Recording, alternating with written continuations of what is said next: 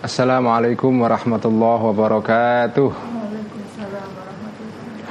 Bismillahirrahmanirrahim Alhamdulillahi rabbil alamin Wassalatu wassalamu ala ashrafil anbiya'i wal mursalin Sayyidina wa habibina wa maulana Wa qurrati a'yunina Muhammadin wa ala alihi wa ashabihi Wa man tabi'ahum bi ihsanin ila yaumiddin Sadri wa yassir li amri wa hlul uqdatan min lisani yafqahu qawli Rabbi zidna ilma wa rizukna fahma amin ya rabbal alamin Amma ba'du Para teman-teman semua Para santri ikhya online yang saya cintai Seperti biasa Setiap malam Jumat kita ngaji Dua kitab Imam Ghazali Yaitu Al-Munkith bin Abdullah dan Ikhya Ulumuddin Malam ini kita akan ngaji dan kita mulai dengan menghadiahkan Al-Fatihah terutama kepada pengarang kitab Ihya Hujatul Islam Abi Hamid Al-Ghazali. Tapi juga malam hari ini adalah malam haulnya Kiai Ilyas Ruhyat dari Cipasung. Kiainya uh, Ajengan Aki Udin yang selama ini rajin membagi naskah atau teks ihya ya. Uh, malam ini kita menghadiahkan Al-Fatihah khusus kepada Kiai Ilyas Ruhiyat mantan atau dulu pernah menjabat sebagai Rois Am Nahdlatul Ulama sebelum Kiai Sahal Mahfud. Kemudian kita juga akan menghadiahkan Al-Fatihah sekaligus kepada adik kandung Gus Dur, Gus Im atau Kiai Hashim Wahid yang wafat uh, dua atau tiga hari yang lalu juga kita hadiahkan Al-Fatihah pada malam hari ini kepada guru-guru kita, kepada saudara-saudara kita, teman-teman kita yang sudah mendahului kita. Wabil khusus kita hadiahkan Al-Fatihah pada malam hari ini kepada para ulama pendiri Nahdlatul Ulama juga pendiri semua ormas-ormas Islam yang ada di Indonesia. Kita hadiahkan juga kepada para pendiri negara kita, kepada para guru-guru kita dan terutama kepada orang-orang tua kita. Lahum jami'an al-fatihah. A'udhu billahi minasyaitanir rajim Bismillahirrahmanirrahim. Alhamdulillahirabbil alamin. Arrahmanirrahim. Maliki yaumiddin Iyyaka na'budu wa iyyaka nasta'in ihdinas siratal mustaqim siratal ladzina an'amta 'alaihim ghairil maghdubi 'alaihim waladdallin amin Bismillahirrahmanirrahim Qala al-muallif rahimahullahu ta'ala Wa nafa'ana bihi wa bi'ulumihi Fid daraini amin Rabbi yassir wa a'in Kita mulai dengan ngaji kitab Al-Munkith Minad Dhalal Halaman 123 123 ini adalah pembahasan tentang Masih tentang eh, Kenapa sebagian orang ya Ada yang percaya kepada Nabi, kepada kajian Nabi Muhammad Shallallahu Alaihi Wasallam, tapi dia tidak mau mengikuti ajaran-ajarannya. Ya. Orang-orang yang percaya kepada kenabian, tetapi tidak percaya kepada syariat, ya, yang dibawa oleh para nabi. Ya. Nah, salah satunya adalah orang-orang seperti ini adalah para filosof ya, yang ini dikritik oleh para oleh Al Ghazali ya. Uh, jadi posisi Al Ghazali di dalam um, sejarah Islam ya atau di dalam sejarah peradaban Islam itu memang beliau ini ini adalah mewakili kubu atau mewakili golongan atau madhab para kiai. Ya. Jadi beliau ini adalah wakil atau representasi dari pandangan para ulama, para kiai para kiai yang basis keilmuannya itu adalah keilmuan agama. Ya. Nah, sebagai kiai, sebagai ulama yang berangkat dari tradisi ilmu agama, tentu saja Imam Ghazali berusaha membela pandangan atau akidah yang merupakan uh, akidah Islam. Ya. Nah, cuma Al-Ghazali ini seperti kita tahu, ini kiai yang tidak sekedar kiai saja, tetapi beliau ini adalah kiai yang bacaannya luas ya. Kakinya ada di dua tempat ya. Ada di dalam tradisi kekiaian itu sendiri ya tradisi kitab ya jadi beliau ini adalah kiai yang tentu saja baca kitab belajarnya belajar kitab ala pesantren. Tetapi beliau ini juga membaca khazanah keilmuan di luar dunia kiai. Yang pada masa Al-Ghazali dunia keilmuan seperti ini itu itu diwakili oleh ilmunya para filosof. Jadi pada zaman Al-Ghazali ini kira-kira ada dua kubu besar ya. Dua kubu besar Ya mungkin ada tiga kubu tapi kubu yang ketiga tidak terlalu penting Tapi ada dua kubu besar Yang pertama adalah kubunya para ulama ya, Para kiai Yang kedua adalah kubunya atau golongan para filosof ya yang di dalam bahasa sekarang kira-kira ya bisa kita istilahkan dengan eh, para cendikiawan, para intelektual, ya, para para pemikir. Ya. Nah, jadi ini ada dua kubu, ada kubu kiai, ada kubu para pemikir, para cendikiawan. Ada kiai yang basisnya di pondok pesantren, tapi juga ada para pemikir yang basisnya kira-kira di perguruan tinggi. Jadi, jadi keadaan yang ada pada zaman Al Ghazali itu ya mirip dengan keadaan sekarang ya kurang lebih ya meskipun tentu ada beda mendasar karena beda zaman tetapi secara garis besar ini ada dua kubu ini nah Imam Ghazali itu adalah orang atau sosok yang mewakili e, cara pandang para kiai. Nah cara pandang kiai ini ya tentu cara pandang yang berangkat dari tradisi pesantren. Akidah utamanya adalah asyariyah ya. Akidah ala sunnah wal jamaah akidah asyariyah Nah beliau ini meskipun beliau ini belajar filsafat juga belajar ilmu-ilmu di luar dunia pesantren tetapi beliau tetap pegangannya itu adalah pegangan akidah alusunnah wal jamaah yaitu asyariyah. Karena itu seluruh ilmunya para filosof ini yang merupakan ilmu yang datang dari sebagian besar ya dari khazanah peradaban Yunani ya yang dibawa ke dunia Islam oleh para tokoh-tokoh seperti Ibnu Sina. Ini ya oleh Al Ghazali tidak ditolak semua, nggak ditolak. Ya dilihat dulu apakah ilmu ini sesuai nggak dengan tradisi kekian atau tidak. Ya. Kalau sesuai diambil, kalau nggak dikritik. Ya udah gitu aja. Ya. Jadi tidak terus serta merta karena ini ilmu datang dari Yunani ditolak mentah-mentah. Ya. Enggak begitu. Bahkan seperti kita baca pada kitab Al-Munkif ya pada bagian-bagian yang lalu beliau mengatakan bahwa Islam itu sebagai agama itu justru bisa dibuat buruk namanya ya di dilukai kehormatannya agama Islam ini oleh tindakan sebagian orang beragama yang picik pandangan cara pandang keagamaannya. Yaitu apa? Yaitu orang-orang beragama yang menolak segala hal tanpa diteliti dulu. Segala hal yang datang dari luar Islam dalam hal ini ya falsafah ya ilmu ilmu filsafat itu. Jadi ilmu filsafat di, di, di, ditafsir dulu di, dilihat dulu apakah bagian-bagian mana yang bisa diterima bagian-bagian mana yang harus ditolak dan seterusnya. Yang bisa diterima diambil. Yang bertentangan dengan akidah Islam ditolak. Udah gitu saja ya dan saya kira sikap seperti ini sikap semua ulama Islam dari dulu ya begitu.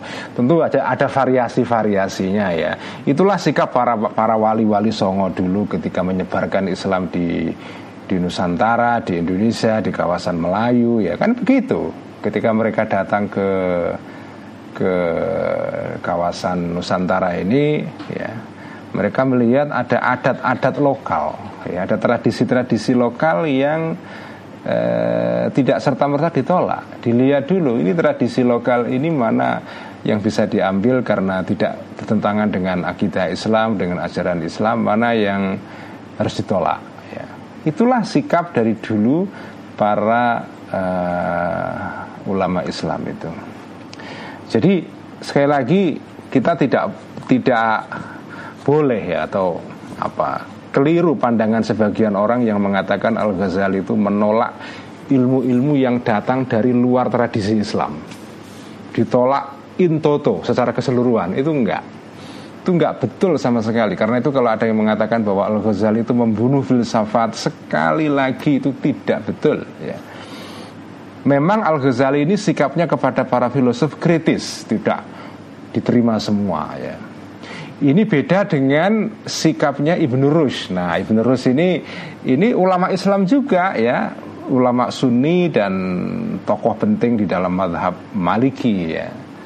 Nah, beliau itu sikapnya agak beda dengan Al Ghazali. Kalau Imam Ghazali itu kritis ya kepada para filosof, kalau Ibnu Rushd itu sikapnya adalah lebih lebih uh, lunak ya atau mencoba memahami pandangan para filosof ini karena beliau sendiri juga seorang filosof yang mempelajari filsafat dengan sungguh-sungguh ya.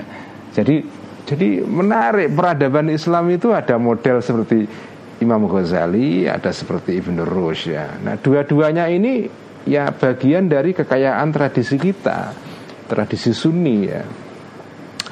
Uh, meskipun saya sendiri lebih apa ya lebih suka dengan sikapnya Imam Ghazali ya karena beliau ini mewakili dunia kekiaian tetapi kita nggak boleh juga uh, menolak atau me, apa menganggap remeh pandangan Ibnu Rushd yang juga seorang ulama besar ya. Jadi sekali lagi Imam Ghazali itu kritis pada para filosof. Waqatin ah, sekarang kita baca ya halaman 123. Bismillahirrahmanirrahim. Waqadin khada'a. Waqadin khada'a. Dan telah tertipu. Ya, bihim terhadap para filosof-filosof tadi itu yang yang yang percaya menghormati agama tapi uh, dengan pandangan bahwa agama itu ya perlu tapi itu hanya untuk orang awam saja. Kami para filosof ini sudah sampai kepada tahap yang tinggi sekali sehingga kami ini bisa jadi orang baik tanpa agama. Ah, itu pandangan para filosof ini. Nah, ini karena kehebatan para filosof ini sebagai pemikir ya. Nah, ini kadang-kadang tertipu ter oleh mereka ini jamaatun sekelompok orang ya. Wazada dan dan membuat menambah atau menambah atau bertambah atau menambahkan hum kepada jamaah ini inkhidaan uh, tertipunya ya dhu'fu tiradil mu'taridina. Lemahnya uh, sangkalan atau kritiknya para pengkritik alaihim terhadap para filosof ini.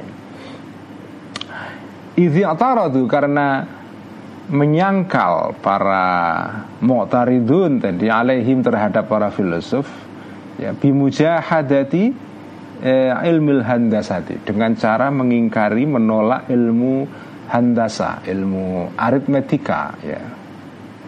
Um, ya handasa itu bisa artinya teknik ya. Tapi di sini adalah artinya al handasa itu ilmu geometri ya. Geometri matematika aritmetika karena itu bagian dari uh, ilmu falsafah. Sebagian dari ilmu falsafah itu kan seperti kita baca pada bagian sebelumnya falsafah itu isinya banyak ya. Di situ ada ilmu mantek ada ilmu logika ya ada ilmu yang terkait dengan alkam ya tentang hitungan-hitungan matematika ya. Uh, bisa itu merupakan kam mutasil atau kam munfasil ya. Kam mutasil ya matematika kam munfasil ya geometri ya. Ilmu geometri ilmu yang terkait dengan bentuk benda-benda ya.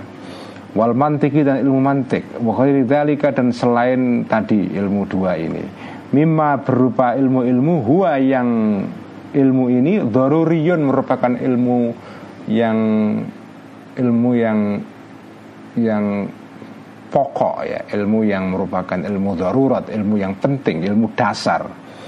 Lahum bagi para filosof ini alama nebahna sebagaimana sesuatu yang sudah me, mengisyaratkan kami as maksudnya Al Ghazali alaihi kepada ma tadi mingkoblu sebelumnya jadi ada sebagian orang yang tertipu atau terpukau oleh kehebatan para filosof ini ya karena kehebatan teori mereka yang kelihatannya kan rumit sekali dan canggih ya. Sehingga orang-orang ini terpukau kepada ilmunya para filosof ini.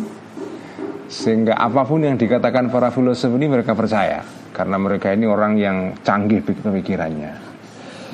Ya yang membuat yang membuat eh, orang-orang ini makin tertarik oleh para filosof ini adalah karena orang-orang yang mencoba mengkritik para filosof ini kritikannya itu lemah sekali ya.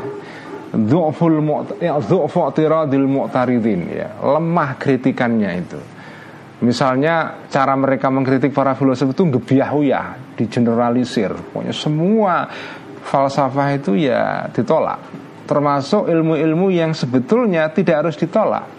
Misalnya ilmu mantik yang merupakan ilmu untuk bagaimana cara berpikir yang benar ya. aturan atau kaidah berpikir itu mantik. Atau ilmu yang terkait dengan handasa dengan geometri yang itu tidak harus ditolak karena ini ilmu yang netral ya. Oleh Al Ghazali mantek handasa atau hisabiyat ya istilah beliau adalah al hisabiyat ilmu-ilmu yang terkait dengan hitungan-hitungan ya. Uh, itu bukan ilmu yang apa berlawanan dengan akidah Islam. Jadi nggak harus ditolak. Ilmu fisika misalnya eh, atau biiyat itu juga nggak harus ditolak. Itu semua bagian dari falsafah ya. Nah ini ada sebagian para pendukung agama yang tidak ngerti duduk perkara, pokoknya segala hal yang bukan dari Islam ditolak gitu saja ya kayak sebagian orang-orang beragama sekarang kan begitu juga ada yang demi atau karena semangatnya membela Islam, jadi cara membela ngawur. karena ngawur jadi membuat orang yang semula itu yakin pada Islam melihat perbuatan orang-orang yang membela Islam dengan cara ngawur ini mereka akhirnya berpikir ulang ini kok kok begini Islam ya kalau gitu saya lebih baik mengikuti orang-orang yang dimusuhi orang-orang Islam ini jadi Islam jadi buruk namanya gara-gara du'fu'tiradil mu'taridin ya. Cara mengkritiknya orang-orang yang membela agama ini ngawur sekali, tidak menggunakan ilmu yang kokoh. Falam itu maka ketika melihat aku Al-Ghazali asnaf al-khalqi berbagai-bagai golongan para makhluk, para publik ya orang-orang. Qad telah lemah imanuhum imannya para al khalq ini ila hadzal hati sampai ke batas ini lemahnya iman mereka itu sampai ke ke level ini yaitu level bahwa mereka ini nggak bisa menandingi atau me, menjawab uh, ilmunya para filosof ini kecuali dengan cara ya tadi itu ngawur itu. Bihadil asbabi dengan sebab dengan sebab-sebab seperti tadi yang sudah disebutkan sebelumnya. Wara itu dan melihat aku nafsi diriku tobban sebagai orang yang layak yang kompeten itu tobban ya. Sebagai orang yang itu ada maknanya di bawah itu di catatan catatan kaki ya al hadikul mahir itu namanya tabban ya bikasfi hadhihi syubahi ten uh, untuk mengungkap ya menyingkap semua asyubah semua ide-ide uh, para filosof ini ya. hatta kana sehingga ada ifdahu haulai uh, apa ifdah itu mengungkap skandal pikirannya para filosof-filosof ini. Aisyah lebih mudah indi bagiku. Wa ahwana dan lebih ringan min syarbati ma'in. Dari uh, apa satu seruputan air ya. satu teguhan air ya. Min syarbati ma'in daripada satu seruputan atau teguhan air ya. Syarbah itu masdar namanya masdar marrah ya. Uh, jadi bentuk kata benda yang namanya masdar yang menunjukkan uh, apa bilangan perbuatan ya. Jadi misalnya jalasa itu duduk. Nah, kalau saya duduk sekali itu namanya jalsatun ya. Doroba memukul Dorbatun itu memukul sekali. Memukul dua kali Dorbatani Memukul tiga kali ya salah satu dorobat ya. Jadi dalam bahasa Arab itu ada satu model uh, bentuk kata benda yang disebut dengan master yang yang maknanya itu adalah menunjukkan uh, bilangan perbuatan itu sekali dua kali tiga kali seterusnya itu mengikuti wazan atau mengikuti apa itu ya pola uh, fa'alatun ya. Uh, jadi itu itu itu salah satu bentuk di dalam apa kata benda dalam bahasa Arab ya. Likathrati khawdi karena banyaknya uh, meng, apa likathrati khawdi karena banyaknya masuknya aku atau menggelutinya aku fi ulumihim di dalam ilmunya para filosof ini wa turukim dan jalan-jalan atau madhab-madhabnya para filosof ini. Ah, ini maksudnya aku dengan him ini him mereka itu siapa? Turukos sufiyati jalan-jalannya atau madhabnya para uh, ahli tasawuf ya. Wal falasifati dan para filosof wa ta'limiyati dan para pengikut uh, ajaran ta'lim yaitu para pengikut Syiah Ismailiyah. Wal mutarassimina dan orang-orang yang uh, yang apa mengikuti bentuk-bentuk formal dari agama. Ya mutarasimin itu orang-orang yang mengikuti rasmu atau ya, formalitas agama artinya orang-orang yang menguasai ilmu syariat ya minal ulama'i dari kalangan para ulama-ulama jadi para ulama yang menggeluti ilmu-ilmu syariat atau ilmu ya tidak hanya syariat ya ilmu yang terkait dengan ilmu agama bisa ilmu fikih, bisa ilmu kalam yaitu ilmu akidah atau ilmu tauhid ya. Ilmu tafsir, ilmu hadis itu semua tanya al mutarassimun ya. Orang yang uh, bergelut dengan ar-rusum. Rusum itu bentuk-bentuk yang formal dari agama. Nah, jadi Al-Ghazali ini karena begitu menguasai ilmunya para kelompok-kelompok Islam ini, jalan-jalan mereka untuk mencari kebenaran ya. Jadi beliau tahu bagaimana cara untuk melihat kelemahan masing-masing kelompok ini. Nah, ini yang nggak ada di di pihak orang-orang lain selain Al Ghazali, orang-orang lain yang tidak menguasai bidang ini, mereka nggak bisa itu menjawab atau menanggapi gagasan-gagasan atau pandangan-pandangan para filosof yang yang ngedap-ngedapi apa ngedap-ngedapi itu yang memukau orang karena kecanggihannya ya. uh, tasawufnya para ahli tasawuf itu kelihatan uh, canggih sekali ya.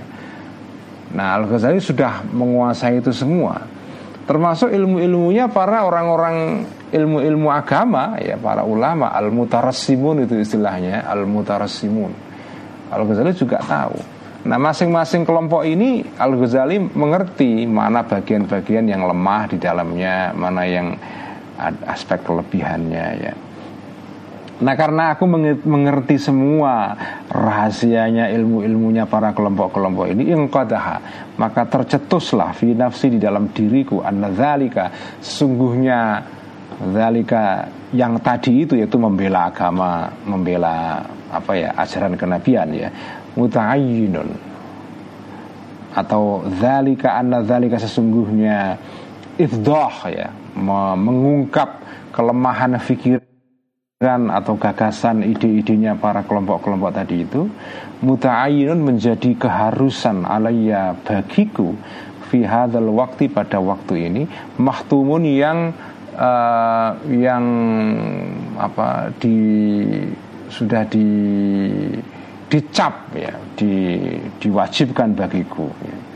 karena aku menguasai bidang ini dan aku tahu bagaimana cara menjawab para kelompok-kelompok tadi itu para filosof terutama jadi saya punya kewajiban untuk menjelaskan kepada para masyarakat di mana letak kelemahan kelompok-kelompok ini Inilah yang menjadi motivasi atau latar belakang kenapa beliau Imam Ghazali itu mengarang kitab Al-Munkif bin ya. Jadi Al-Munkif ini memang kitab yang ditulis setelah Al-Ghazali selesai uzlah kan. Uh, di akhir apa kitab ini dikarang nanti kita akan baca itu ada ada sedikit uh, keterangan kapan kitab ini persisnya ditulis ya. Kitab ini ditulis kira-kira enam tahun sebelum beliau wafat. Jadi Al Ghazali itu kan wafatnya masih muda ya. umur 53 tahun beliau itu wafat. Jadi kitab ini ditulis 6 tahun. Jadi kira-kira ya pada umur beliau ini 47 ya. Masih muda. Ya kalau untuk ukuran sekarang masih muda sekali ya.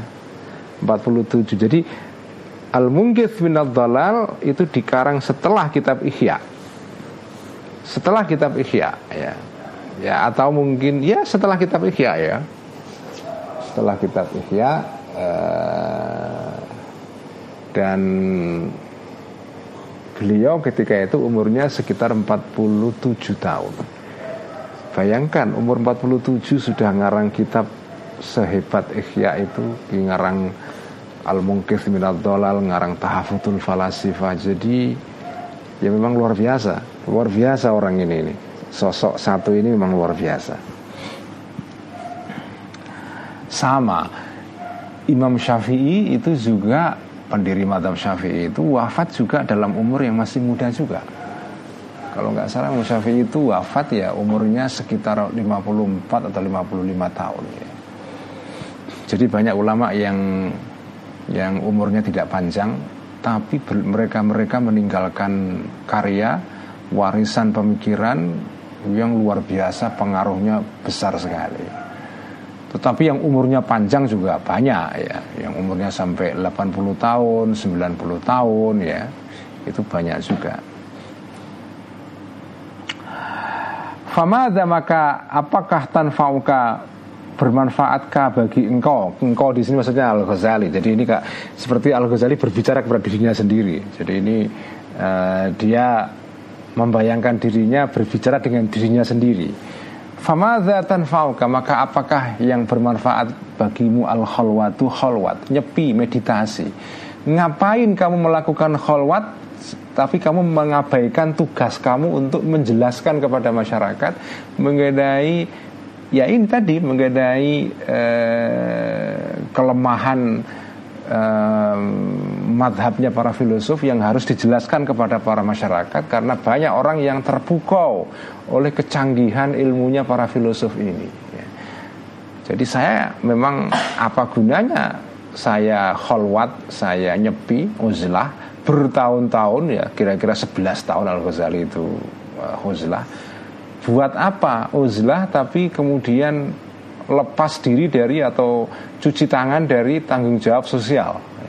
Jadi ini ini menarik sekali. Jadi kholwat ya kholwat tetapi begitu ada tugas sosial memanggil ya dan kamu punya kapasitas punya kompetensi untuk uh, ikut memberikan sumbangan pemikiran tenaga dan seterusnya ya apa boleh buat kamu harus harus turun gunung sama dengan kanji Nabi ketika Isra naik ke langit sampai ke tingkat tujuh bertemu dengan Allah ya.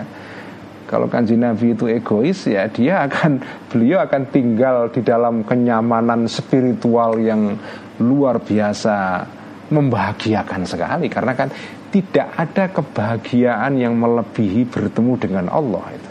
Nggak ada. Bertemu dengan Allah itu gambarannya ya kalau jenengan itu pernah mengalami excitement ya, rasa suka cita yang luar biasa karena menemukan ide untuk tulisan. Dengan pengarang atau penyair atau pen, penulis novel misalnya dengan dapat ide yang itu bisa menjadi uh, cikal bakal untuk sebuah buku misalnya atau sebuah novel sebuah cerpen atau sebuah puisi itu bahagianya luar biasa. Seseorang yang mendapatkan ilham atau ide itu seperti mendapatkan cipratan dari ilmunya Allah. Karena ilham kan dari Allah sebenarnya. Itu baru cipratan sedikit saja itu bahagianya itu luar biasa. Teman nggak bisa mengerti kebahagiaan seperti ini kalau teman nggak pernah mengalami sendiri ya. Kalau dengan seorang pengarang atau seorang nggak hanya pengarang lah, seorang pengusaha atau seorang seorang pengusaha dapat ide tentang usaha bisnis yang cemerlang sekali, yang nanti kemudian menginspirasi dia untuk membuat startup misalnya. Itu itu luar biasa nikmatnya mendapatkan ide itu. Mendapatkan gagasan itu nikmatnya luar biasa. Nah, gagasan itu sumbernya kan ilham. Ilham itu cipratan dari ilmunya Allah, cipratan kecil saja. Itu saja jenengan luar biasa bungahnya, gembiranya itu. Apalagi ketemu dengan Allah langsung. Apalagi ketemu dengan Allah langsung itu ya udah nggak nggak tergambarkan, nggak bisa digambarkan bahagianya orang yang ketemu langsung dengan sumber ilham, ya. dengan dengan mulhimul ilhamat, ya. Allah yang menjadi sumber ilham itu. Nah, kanjeng Nabi kalau mau egois ya, mau mementingkan dirinya sendiri, begitu Mi'raj ketemu dengan Allah ya akan duduk di langit sana, nggak mau turun ke bumi. Tapi kan beliau punya tugas sosial juga untuk mencerahkan, mengedukasi publik ya, melakukan perubahan di dunia. Nah ini inilah yang dihadapi oleh Al Ghazali. Ya. Wa anna tuhnika wa anna dan bagaimana tuhni membuat cukupkah kepadamu al uzlatu uzlah apa yang apa uh, apa gunanya uzlah kira-kira gitu? Kalau kamu meninggalkan tugas sosial kamu. Inilah inilah yang membuat Imam Ghazali kemudian memutuskan turun gunung setelah 11 tahun itu nyepi. Uzlah setelah beliau 11 tahun nyepi kemudian turun gunung kembali. Karena ini ya karena beliau melihat ada hal di dalam masyarakat yang perlu di, dijelaskan. Akhirnya beliau turun gunung dari uzlahnya, dari beliau kan uzlahnya itu pertama di Damaskus ya, kemudian di Palestina di Yerusalem, kemudian pulang beliau ke kampungnya sendiri di Tus mendirikan pondok pesantren di sana, mendirikan semacam zawiyah begitu, semacam ya pondok kecil untuk ngajar di sana. Nah, setelah beliau pulang ke Tus, kemudian beliau karena melihat situasi yang harus di diklarifikasi oleh beliau menyangkut ya tadi itu yang beliau ceritakan di sini. Akhirnya beliau memutuskan kembali ngajar ke madrasah nizamiyah, ke perguruan tinggi nizamiyah tapi bukan yang di eh, iya di Baghdad tapi kemudian dari Baghdad balik lagi ke Nisabur Nisabur itu provinsi di mana eh, tempat kelahiran Al Ghazali yaitu kota Tus atau desa Tus itu berada ya jadi beliau akhirnya mau ngajar kembali balik ke Baghdad tapi sebentar saja. Dari Baghdad kemudian beliau pindah ke Nisabur ya karena mungkin beliau tidak nyaman balik lagi ke pusat kota besar seperti Baghdad. Ya Baghdad itu kalau Indonesia ya kayak Jakarta begitu dia nggak nyaman. Eh, saya mau agak ke, ke kota pinggiran aja lah ke Semarang atau ke Jogja atau ke Bandung. Nah, itu namanya kota Nisabur ya Fakota amma maka telah menjadi sumrambah menjadi umum menjadi menyebar adau penyakit. Wamarido dan dan jatuh sakit ya. Al atibau para dokter penyakit lagi pandemi dokternya pada jatuh sakit. Jadi gimana? Saya punya tanggung jawab untuk memberikan edukasi kepada publik ini. Wa ashrafa dan mendekati al halku orang-orang alal halaki terhadap kerusakan terhadap kehancuran gitu. Inilah situasi yang dihadapi oleh Al-Ghazali. Tuh Kemudian mengatakan aku Fi nafsi dalam diriku ya. Famata tastakillu anda bikashfi hadhil hummati? Famata. Uh, Jadi sebelum beliau memutuskan untuk meninggalkan um, apa ya uzlahnya meditasinya ini kemudian turun gunung, beliau juga mengalami semacam pertempuran batin itu ya. Nah ini di sini kita akan membaca bagaimana Al Ghazali itu bertempur dengan dirinya sendiri. Ini ya oke okay, saya harus terjun kembali, harus turun gunung karena ada hal dalam masyarakat yang perlu saya luruskan. Ada pandangan-pandangan di masyarakat yang menyimpang yang harus saya luruskan. Tapi apa gimana saya saya sudah sekian tahun memutuskan untuk menyingkir dari dari keramaian sosial ya Kalau saya turun lagi, apakah apakah nanti kalau saya turun ada jaminan uh, intervensi saya ini efektif misalnya? Nah ini ini ini saya kira problem para intelektual pada umumnya lah ya. Ini apakah saya harus masuk ke kekuasaan atau tidak apakah kalau saya masuk ya apakah saya bisa mengubah keadaan atau malah saya justru nanti tercebur di sana dan ikut arus misalnya nah ini apa yang dirasakan Al Ghazali di sini ini adalah merupakan situasi psikologis ya. semua para intelektual ketika harus turun gunung seefektif apa turun gunung saya ini jangan-jangan malah nanti kalau saya turun gunung Eh, proses-proses uh, spiritual yang sudah saya alami selama ini mengalami setback, mengalami kemunduran, harus mengulang lagi dari awal, ya, berat sekali. Jadi boro-boro saya bisa mengubah masyarakat, nanti kalau saya justru malah ikut arus bagaimana? Ini ini persis yang dirasakan Al Ghazali ini. Thumma kemudian mengatakan aku fi nafsi di dalam diriku. Ini Al-Ghazali bertempur dengan dirinya. Famata atas takilu Famata maka kapan? Maka kapan tas takilu bisa merasa uh, Otonom Bisa berdiri sendiri engkau Anta engkau? Maksudnya engkau di sini Al-Ghazali ya. Jadi dia berbicara dengan dirinya sendiri. Bikas fi hadil gummati Dengan uh, Maksudnya otonom berdiri sendiri Mandiri untuk Bikas fi hadil gummati Untuk menyingkapkan untuk meng, uh, menghilangkan ya. Uh, apa uh, kesusahan ini yaitu kesusahan artinya apa situasi sosial yang yang menimbulkan ini kebingungan ini. Wa musadamati zulmati dan uh, melawan atau ya melawan kegelapan ini al-mulimati yang meliputi masyarakat ini. Sementara wazamanu ini jumlah uh, haliyah ya, jumlah ismiyah mahalnya adalah makal mahal nasab karena menjadi hal ya. Wazamanu dan za, sementara keadaan masa atau era ini adalah zamanul fatrati. Eranya uh, gap atau apa ya? Atau gap itu apa? Uh, apa namanya gap itu uh, zamannya lowong atau ya kosong ya. Wat dauru dan daur dan siklus waktu ya.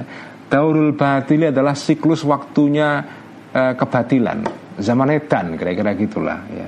Sementara zamannya ini zaman edan ya. Zaman kolotido, zaman kalau bendu, kalau bendu ya. Kalau bendu kalau bahasanya uh, Ronggo Warsito, Bujangga Jawa Besar itu ya. Bagaimana saya bisa bekerja sendiri untuk melawan kegelapan ini ya. Sementara ini ya memang sudah zaman kegelapan. Zamannya orang edan semua. Apakah saya bisa kerja sendirian ini? Walau istagholta dan seandainya uh, sibuk engkau atau melakukan engkau bidakwatil khalqi untuk mendakwai para orang-orang.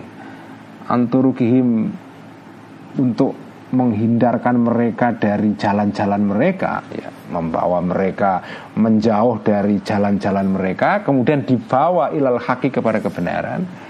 La adaka maka akan memusuhi ka kepada engkau al ghazali maksudnya ahlu zamani semua orang-orang zaman ini bi asmaihim semuanya.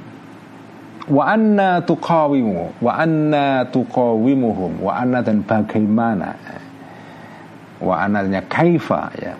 Bagaimana tuqawimu bisa melawan engkau hum kepada ahlu zaman?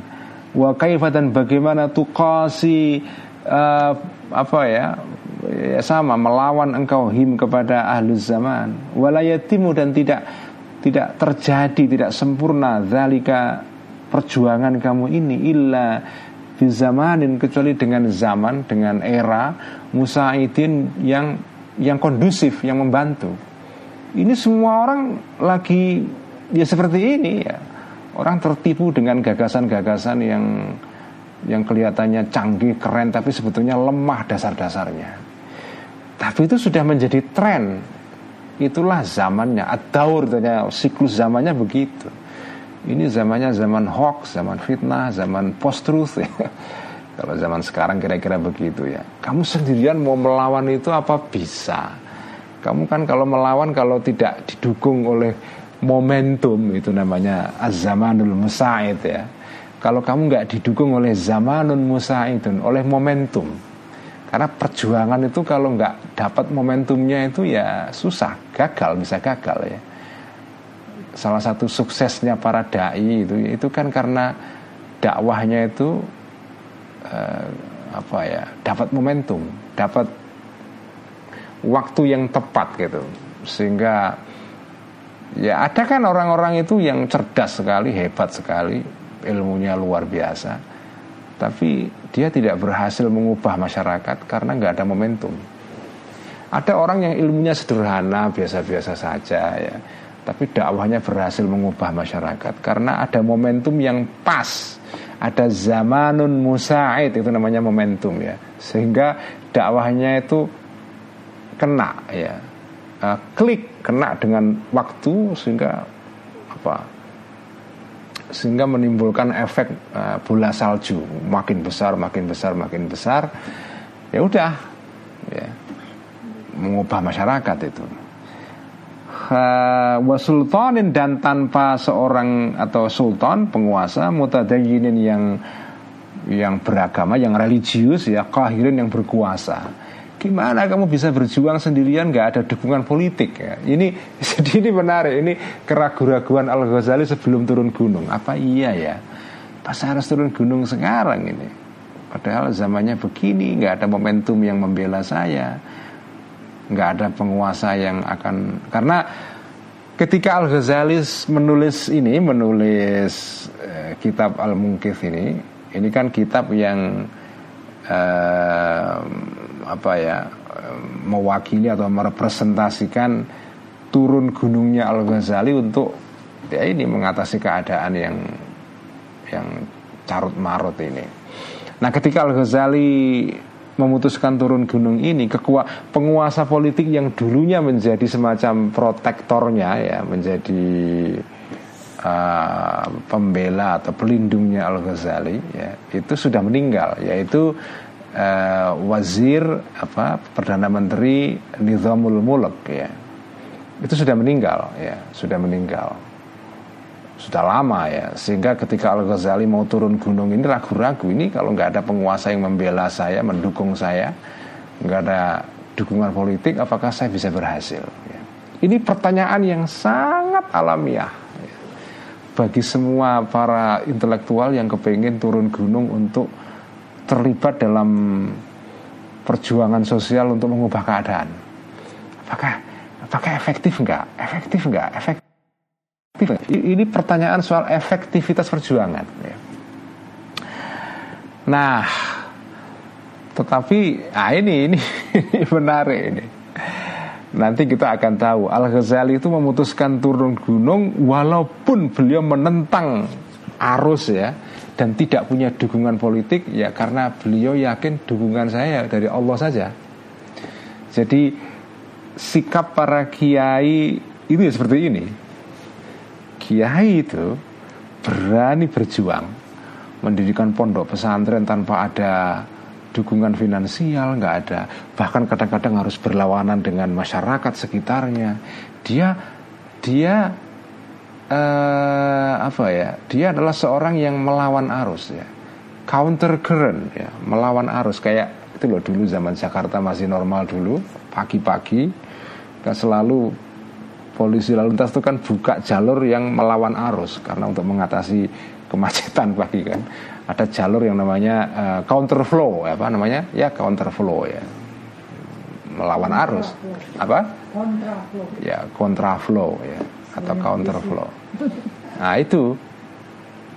Al Ghazali itu kontra flow ya melawan arus dan tidak punya dukungan politik tapi berani berjalan Nah, itulah para kiai begitu. Jadi model kiai itu ya Al Ghazali ini. Kiai itu berani berjuang walaupun kere, nggak ada dukungan finansial. Ya dukungan itu nanti datang belakangan. Tapi pertama ketika terjun itu Gak ada itu dukungan itu Karena kalau jenengan berjuang dari awal kok mikirnya Ini kok nggak ada dukungan finansial dari para agnia Para muksinin Para orang-orang kaya nggak ada dukungan dari bupati Ya nggak jadi berjuang ya Kalau mikirnya begitu ya nggak jadi berjuang itu Kalau pejuang beneran itu mikirnya walaupun tidak ada dukungan politik, nggak ada dukungan finansial, nggak ada dukungan dari momentum, jalan saja.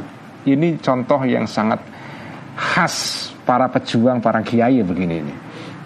Nah ini bagian yang sesuai dengan relevan dengan tadi yang saya katakan ini ya ini fatar khastu fatar khastu baini wa bainallahi ta'ala bil istimrari fatar khastu maka maka mencoba untuk mengambil rukhsah, mengambil keringanan. Ya.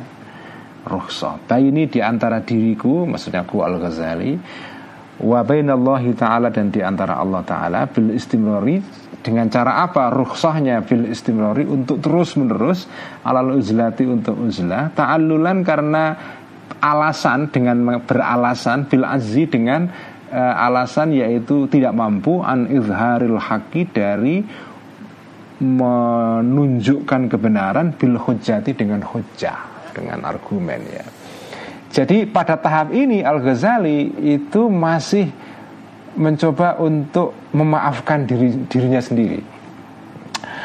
Kayaknya saya belum layak ini turun gunung ini. Saya masih harus meneruskan uh, uzlah saya ya, meneruskan topo broto saya ya karena saya belum mampu. Nah ini ini tahap tahap yang juga dialami oleh semua pejuang ya. Kayaknya saya belum mampu. Nanti dululah.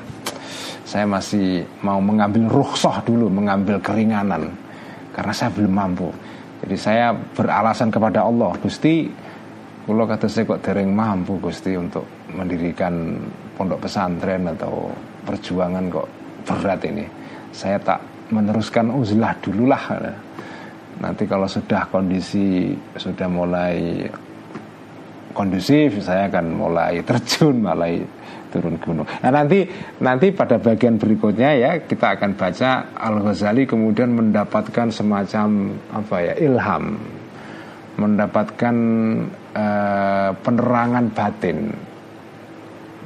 Sudah Bismillah jalan turun gunung kembali, ngajar kembali, kembali ke Baghdad, kemudian ke Nisabur untuk ya tadi ini untuk me memberikan edukasi kepada publik gitu ya. Ini kisah Al Ghazali luar biasa, menarik banget ya. Perjuangan beliau mencari kebenaran ya. Kemudian meninggalkan seluruh jabatan dan privilege sosial beliau ya. Semua kenyamanan kenyamanan ditinggalkan semua dan kemudian ketika melihat keadaan dalam masyarakat perlu diluruskan tergoda lagi untuk turun gunung itu pun masih ragu-ragu. Jadi ini menarik. Perjalanan Al Ghazali sebagai seorang pemikir seorang sufi seorang intelektual ya ini perjalanan yang penuh dengan drama naik turun ya. Up and down Nah nanti bagian berikutnya kita akan membaca bagaimana Al Ghazali kemudian sudah mantap ya niatnya untuk turun gunung ya. Tapi nanti kita baca minggu depannya. Sekian ngaji Al Mungkif ya wallahu a'lam bissawab.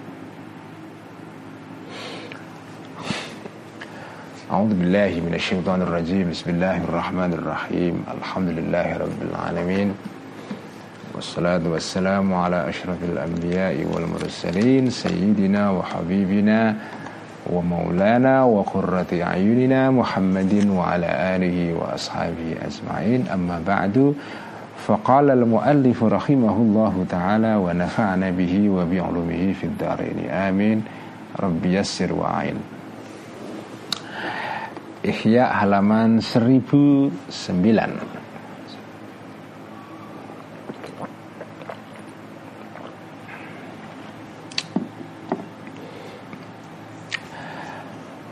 1009 para uh, baris pertama ya di atas. Waqala nabiyuna alaihi salam. Ini kita masih bahas soal afatul lisan ya. Afat-afat dan bahayanya ngomong. Menjaga omongan dan menjaga lisan sebagai jalan rohani atau jalan spiritual. Waqala dan berkata bersabda Nabi Nabi kita Muhammad alaihi salam atau sallallahu alaihi wasallam Beliau bersabda begini bunyinya Al kalimatu tayyibatu sadaqatun.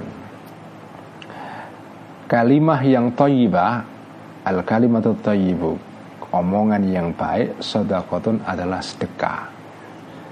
Jadi omongan yang baik itu sedekah status yang baik di Facebook sedekah. Nah, itu kalau dalam bahasa sekarang ya begitu. Tulisan yang baik sedekah karena omongan itu kan verbal. Kalau omongan tertulis ya namanya tulisan. Ya. Tulisan yang baik itu sedekah. Jadi makanya berusaha nulis yang baik supaya kita ini sedekahnya makin banyak. Ya. Waqala dan bersabda juga kanji Nabi Muhammad Sallallahu Alaihi Wasallam ittaqun nar walau bisyikki tamratin. Ya ittaqu uh, berlindunglah engkau atau takutlah engkau anar terhadap api neraka. Walau bisyikki tamratin walaupun hanya dengan se sepotong ya atau secuil kurma. Maksudnya menyedekahkan sesuatu yang kecil sekali eh, jumlahnya ya atau kadarnya. Walaupun itu hanya sepotong uh, kurma pun tidak kurma utuh ya hanya sebagian dari kurma.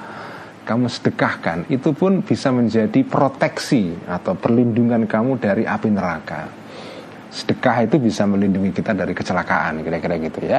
Fa'ilam tajidu maka jika tidak menjumpai engkau engkau punya harta sama sekali walaupun sekecil sepotong korma ya masih ada jalan keluar untuk sedekah. Fabi kalimatin maka dengan kalimat thayyibatin yang baik.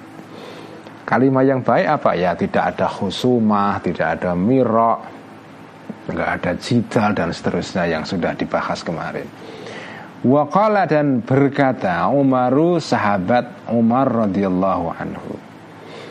Ini kata Umar ini ya ini penting sekali untuk diketahui ya. Kalau kata Umar ain mem ro ro setelah ro gak ada wawunya itu bacanya Umar ya. Tapi kalau setelah ro ada wawu itu bacanya Amrun ya. Jadi misalnya sahabat Amr ibn As ya, Al Amr ibn As itu tulisannya bukan ain mim ro saja, ain mim ro wawu, Amr ibn As ya. Tapi kalau nggak ada wawunya bacanya Umar. Meskipun ain mim ro bisa juga dibaca Amrun ya, e, tapi tapi itu tidak tidak sesuai dengan aturan di dalam penulisan dalam bahasa Arab ya. Makanya kalau Doroba Zaidun Ja'a Amrun ya Ja'a Amrun Umar datang ya Itu Amrun setelah roh ada wawunya ya. Tapi itu kalau di dalam Di dalam kondisi dia dibaca rafa, dhammah atau jer atau kasro Tapi kalau dibaca nasab wawunya hilang sehingga Umar dan Amrun dalam kondisi nasab itu sama tulisannya nggak ada wawunya setelah setelah ro sehingga bisa jumbo bisa keliru. Bagaimana cara mengetahuinya? Ya nggak bisa lain kecuali melalui siak melalui konteksnya ya. Wakala dan berkata Umaru bukan Amrun ya. Umaru Sayyidina Umar radhiyallahu anhu Albirru syai'un hayyinun ya. Albirru kebaikan ya. Ini ini juga harus hati-hati bacanya. Albirru baknya dibaca kasro albirru kebaikan ya.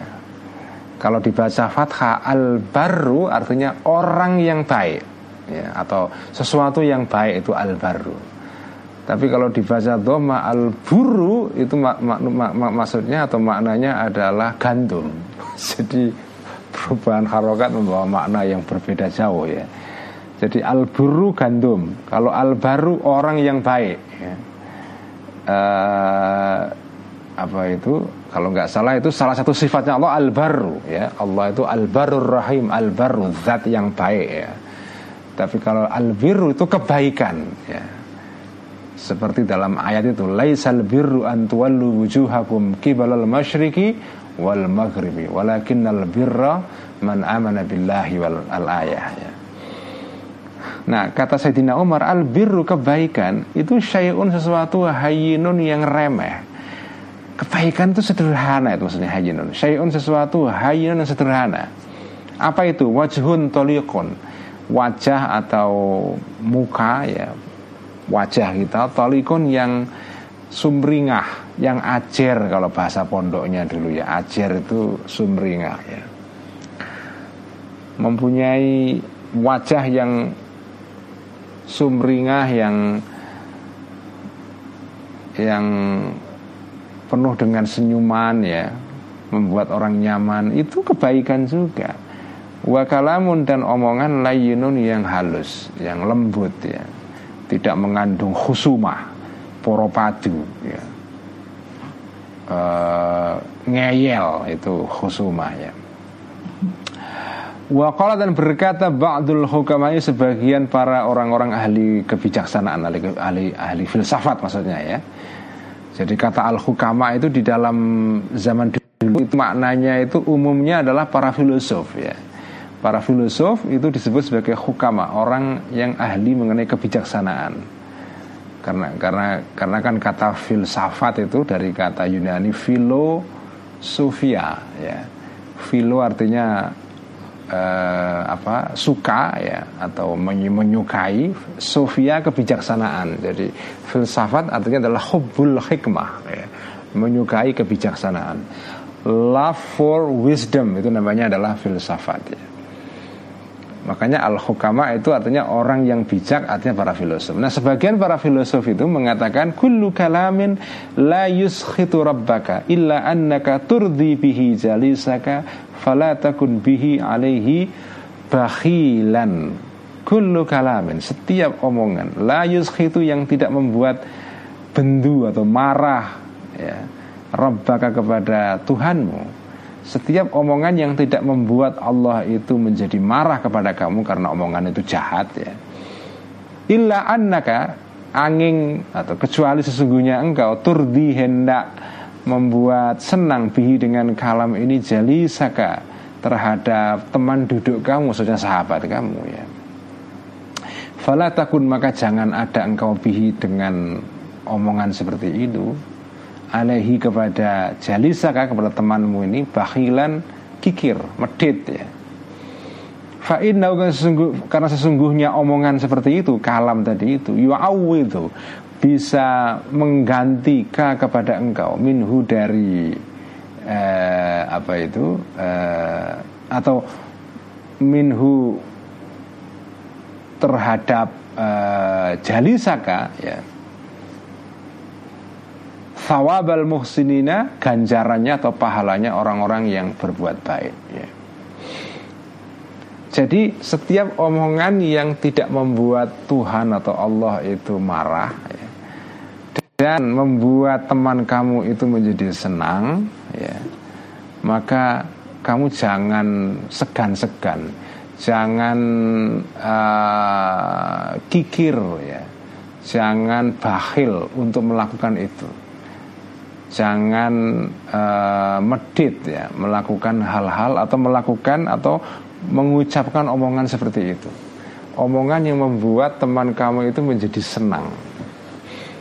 Ya itu seperti disebutkan kemarin ya salah satu cirinya omongan yang yang baik itu adalah omongan yang di situ ada izharul muwafaqah ya omongan yang uh, di situ kamu menunjukkan kesepakatan kamu, kesetujuan kamu dengan teman apa yang diomongkan oleh teman kamu. Karena seseorang itu kalau omongannya sampean sangkal, sampean tentang, apalagi dikritik ya, itu pasti dia marah, pasti dia sakit hati. Jadi omongan yang baik itu derajat paling minimal itu dalam omongan yang baik adalah setiap omongan yang di situ kamu membuat teman kamu senang ya dengan cara apa? Menunjukkan kesepakatan kamu. Tentu ini semua tidak berarti mengoreksi kesalahan itu tidak penting ya. Makanya ajaran tasawuf itu kan tidak boleh difahami secara apa ya secara blokosuto artinya apa adanya. Sampai tetap harus ngerti konteksnya ngerti konteksnya. Karena karena tasawuf itu salah satu cirinya adalah yaitu orang yang menjalani tasawuf itu orang yang mengerti konteks, mengerti empan papan. Ibnul Waqt ya. Mengerti ya ajaran mengenai apa ya kamu nggak boleh menyakiti orang lain dengan cara menentang omongannya itu bagus tapi ya harus ngerti konteksnya juga kalau omongannya itu mengandung informasi yang membahayakan publik misalnya ya harus dikoreksi tapi kalau ngomong biasa begini loh jagong gitu ya cangkruan uh, guyonan gitu ya. Terus kemudian temennya ngomong apa itu ya terus jangan kamu sangkali terus kamu tentang kamu kritiki ngapain juga kayak kurang kerjaan aja. Ada temen yang nyetatus ya nyetatus sederhana aja lah nggak nggak terkait dengan hal yang apa ya prinsipil gitu. Ya ada salah-salah sedikit ya sudah lah nggak usah dikoreksi ya. Karena kalau kamu koreksi nanti pasti marah orangnya. Uh, apalagi ya kemarin itu yang terkejadian sama teman kita itu Mas Hamzah Sahal itu. Orang guyon kok dikoreksi guyon itu ya cerita mengenai humor ya udah yang penting ketawa. Itu aja. Humor kok dikoreksi ya. Itu kayak gitulah. Jadi kalau orang nyetatus tulis sederhana tentang hal yang tidak menyangkut informasi penting ya hihi gitu ya. Ada sedikit typo salah ya sudah lah nggak usah di nggak usah dikoreksi itu jadi itu konteksnya ya jadi jenengan itu mengamalkan ajaran tasawuf itu nggak boleh sembrono juga harus ngerti konteksnya. Ya memang ini semua dilarang nggak boleh khusuma nggak boleh jidal nggak boleh mirok tapi itu tidak berarti sampai nggak boleh mengkritik orang nggak boleh menyanggah pendapat orang nggak. Tergantung konteksnya. Kalau memang di situ ada perkara yang penting harus dikoreksi ya dikoreksi itu ya.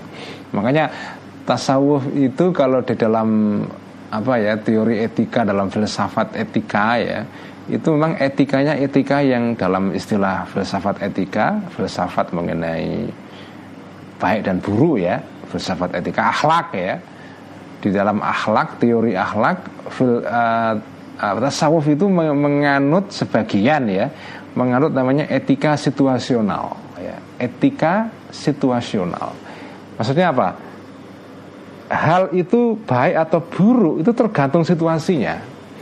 Meskipun tidak dalam semua kasus ya tapi banyak ajaran-ajaran tasawuf itu yang dilandasi oleh namanya etika situasional. Karena itu ketika kalau kita baca ya dalam kitab Ihya berkaitan misalnya dengan bab tentang nikah. Dalam kitab Ihya jilid pertama itu Imam Ghazali nulis bab mengenai kitabu adabin nikah. Kitab mengenai aturan adab kawin atau nikah ya Nah di sana dalam pembukaannya itu beliau mengatakan bahwa nikah itu hukumnya itu tidak satu. Ya selama ini kan kita kalau belajar dalam fikih itu nikah itu ya sunnah ya nikah sunnati nikah itu adalah sunnahnya kanji Nabi karena itu kita sebagai umatnya ya meniru kanjeng Nabi kita nikah. Ya. Tapi tasawuf itu memandang nikah itu hukumnya tidak tunggal. Ya. Kawin itu bisa sunnah. Ya. Tapi tergantung ada situasi tertentu yang membuat kawin itu yang semula sunnah menjadi wajib. Ya. Kalau sampean tidak nikah akan pasti akan terjatuh kepada zina misalnya, ya harus nikah wajib. Ada nikah itu yang haram, ada. Nikah itu haram. Memang hukum dasarnya nikah itu sunnah karena itu tindakan kanjeng Nabi. Tapi ada situasi tertentu yang membuat nikah yang semula sunnah itu menjadi haram. Ada itu. Misalnya jenengan nikah tapi tujuannya itu untuk menyakiti perempuan sampai dendam dengan seorang perempuan ya sampai menikahi perempuan itu dengan niat nanti kalau sudah jadi istri saya saya akan punya kekuasaan penuh untuk mengendalikan dia untuk menyakiti dia karena saya dendam sama dia nikah yang niatnya untuk melakukan balas dendam kepada seorang perempuan karena kalau sudah nikah kan sampai punya kontrol penuh kepada pasangan kan. Kalau landasannya seperti itu haram kamu lakukan itu. Ya, haram itu. Ada nikah yang makro misalnya. Jadi nikah itu statusnya sesuai dengan itu lima hukum di dalam apa ya? Dalam fikih itu ada ada wajib, ada haram, ada makro, ada sunnah, ada mubah, ada lima itu ya ahkam syariah itu kan ada lima itu ahkam syariah nah itu jadi tasawuf itu etikanya adalah etika situasional ya Hada ini kulu semuanya ini adalah fi fadlil kalamit adalah pembahasan tentang keutamaan ngomong atau omongan atau dan yang baik yang bagus ya. Ini semua terkait dengan pembahasan mengenai keutamaan ngomong secara baik. Waktu dan berlawanan hud terhadap kalam toyib ini al khusumatu ya lawannya ngomong yang baik adalah apa? Al khusumatu poropadu khusuma. Wal mirau dan debat kusir. Wal jidalu dan perdebatan ya. wal lajaju dan ngomong apa? Uh, ngeyel itu. Walajatu dan ngeyel. Walajatu dan ngeyel fa innahu karena sesungguhnya ini semua adalah al kalamu adalah termasuk omongan al mustakrohu yang dibenci yang di nggak disukai al muhisu yang membuat galau ya. membuat galau kepada yang ngomong tapi juga membuat galau membuat wahsyah itu adalah perasaan apa ya perasaan sedih ya jadi menyedihkan kepada yang ngomong dan juga membuat sedih kepada orang yang menjadi sasaran omongan orang itu ya. Al mu'zi yang bisa menyakiti lil qalbi kepada hati. Al munaghisi yang membuat uh, tidak nyaman tidak enak ya. Membuat sereden itu kata munafis itu dari kata uh, apa ya uh, husah ya. Husah itu sesuatu yang ada di tenggorokan ketika makan sehingga menghalangi apa jalannya makanan menuju ke perut ya. Jadi uh, nagsun ya. Nagsun itu artinya adalah tadi itu sesuatu yang mengganggu di tenggorokan.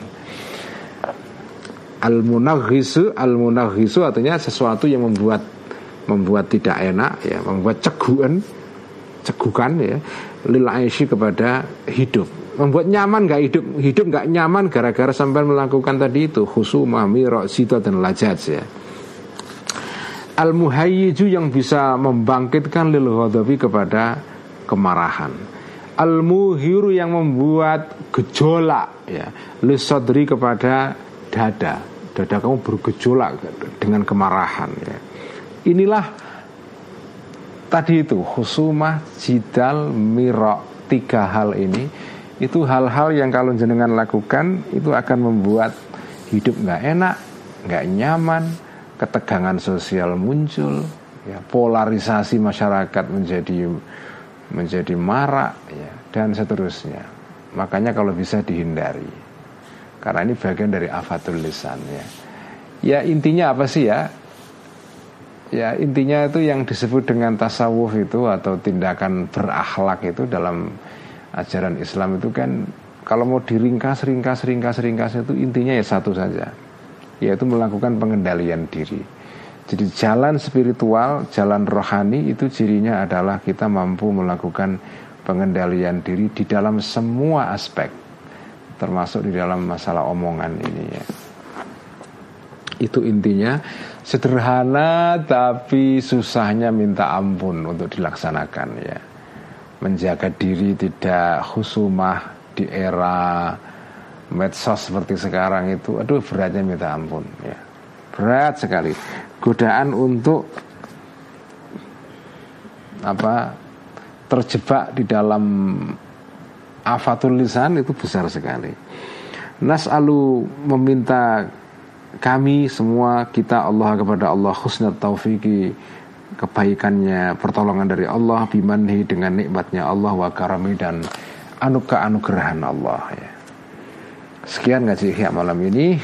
Kita teruskan nanti minggu depan dengan afatul lisan yang keenam yaitu uh, omongan yang terlalu berlebihan. Atau fil kalam. Ini juga salah satu jebakan atau afatul lisan yang lain yang keenam ya. Sekian wallahu alam bisawab. Mari kita tutup dengan bacaan salawat tibbul qulub. Allahumma salli ala sayyidina Muhammadin tibbil qulubi wa dawaiha afiyati الأبدان وشفائها ونور الأبصار وضيائها وعلى آله وصحبه وسلم. اللهم صل سيدنا محمد طب القلوب ودوائها وعافية الأبدان وشفائها ونور الأبصار